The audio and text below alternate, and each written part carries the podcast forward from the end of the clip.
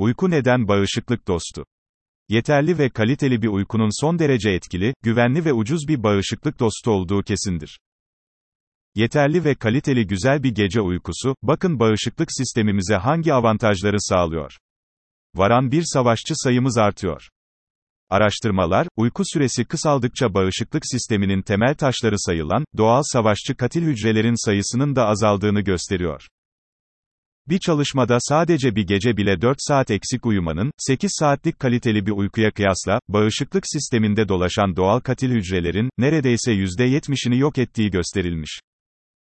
Kısacası, uyku süreniz kısaldıkça bağışıklık gücünüzü sağlayan savaşçılarınızın, T lenfositler, sayısı da azalıyor. Varan iki silahlarımız çoğalıyor. İyi bir gece uykusu, mikroplara karşı üretilen silahlarımızın sayısını, yani antikor üretim gücümüzü de etkiliyor. Herhangi bir enfeksiyon geçiren kişiler hastalık süresince, eğer yeteri kadar kaliteli bir gece uykusu uyuma şansı yakalayabilirlerse, daha çok antikor üretiyor ve daha kısa sürede iyileşme şansı yakalıyor. Varan 3 aşılar güçleniyor. Grip aşısı ile yapılan bir çalışma, aşı ile üretilen antikor gücünün de, iyi bir gece uykusuyla yakinen bağlantılı olduğunu net ve açık olarak göstermiş. Eğer aşılandığımız gün ve sonrasında, keyifli bebek uykuları tutturmaya devam edebilirsek, yaptırdığımız aşının faydası daha da artabiliyor. Özeti şudur. Doktor Matthew Walker'a göre, kendinizi ne tür bağışıklık durumunda bulursanız bulun, ister bağışıklığı güçlendirme amaçlı bir aşıya hazırlık için, ister viral bir saldırıyı yenebilecek kadar, güçlü bir bağışıklık tepkisini harekete geçirmek için olsun, kaliteli bir gece uykusu en önemli ayrıntılardan biridir. Niçin uyuruz? Pegasus yayınları. İyi haber. Romatizma hapı COVID-19'a çare mi? Tocilizumab, kronik artrit, yani romatizma tedavisinde kullanılan ve etkisini bağışıklık sistemi üzerinden sağlayan bir ilaç. Londra'daki Imperial College Üniversitesi ile Hollanda'daki Utrecht Üniversitesi araştırmacıları, solunum cihazına bağlanmış hastalığı ağır geçiren, 300 kadar COVID-19'lu üzerinde tocilizumabı denemişler. İlk sonuçların da olumlu olduğunu görmüşler. Aslında bu sürpriz bir haber değil. Daha önce de, kronik romatizmal hastalıkların tedavisinde kullanılan ve etkinliğini bağışıklık sistemi üzerinden gösteren başka ilaçlar da kullanılmıştı. Araştırmacılar elde ettikleri sonuçları, son derece cesaretli bulduklarını belirtseler de, bu iyi haberin başka çalışmalarla da desteklenmesi lazım. Kötü haber. Şeker hastalarının işi daha zor. Geriye dönük olgu analizine dayanan önemli bir çalışma geçtiğimiz günlerde, ünlü bir tıp dergisinde, The Lancet'te yayımlandı. Bu araştırmanın sonuçlarına bakılırsa, COVID-19'dan ölüm riski maalesef şeker hastalarında iki kat daha fazla. Bilindiği gibi şeker hastalığı günümüzün en yaygın ve önemli kronik hastalıklarından biri. Küçük damarlarda oluşturduğu tahribat nedeniyle böbrekler, gözler, kalp ve beyinde ciddi hasarlara yol açabiliyor. Ayrıca bağışıklık sisteminin fonksiyonlarını da bozabiliyor. İyi bilgi.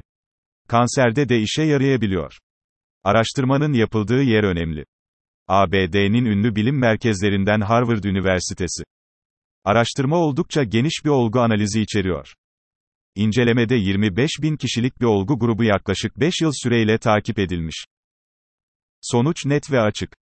Her gün düzenli D vitamini takviyesi alanlar, metastatik bir kansere yakalanma bakımından almayanlara oranla %17 daha avantajlılar. Bir uyarı. Olumsuzlar daha erken bulunuyor. Yeni bir çalışma sürekli olumsuz düşünce üreten beyinlerin Alzheimer hastalığına daha sık ve kolay yakalanabileceklerini gösterdi. Çalışmada olumsuz düşünmeyi alışkanlık haline getirmenin, beyinde Alzheimer'a yol açan proteinlerin daha hızlı ve yoğun birikimi sorunu ile karşılaşabileceği anlaşılıyor. Eğer yaşlılığınızda daha az bellek sorunu yaşamak istiyorsanız olumlu düşünmeyi alışkanlık haline getirin. Ve eğer varsa depresyon ve kaygı bozukluğu gibi şikayetlerinizi bir ruh sağlığı uzmanı ile işbirliği yaparak kontrol altına almayı ihmal etmeyin. Zira elimizde kronik depresyon ve kaygı bozukluğu ile bunama arasındaki ilişkiyi doğrulayan çok sayıda çalışma var. Hoşuma gitti. İbo şovlar çoğalmalı. Azerbaycan'ın rahmetli Cumhurbaşkanı Haydar Aliyev'in sağlığı ile ilgilendiğim dönemde, Azerbaycan'ı sık sık ziyaret etme fırsatı yakaladım. Bu ziyaretlerimde Azerbaycan kültürünün en çok sevdiğim ve imrendiğim, bizde de neden böyle değil? diye sorup da yanıtını bir türlü veremediğim özelliklerinden biri de şuydu.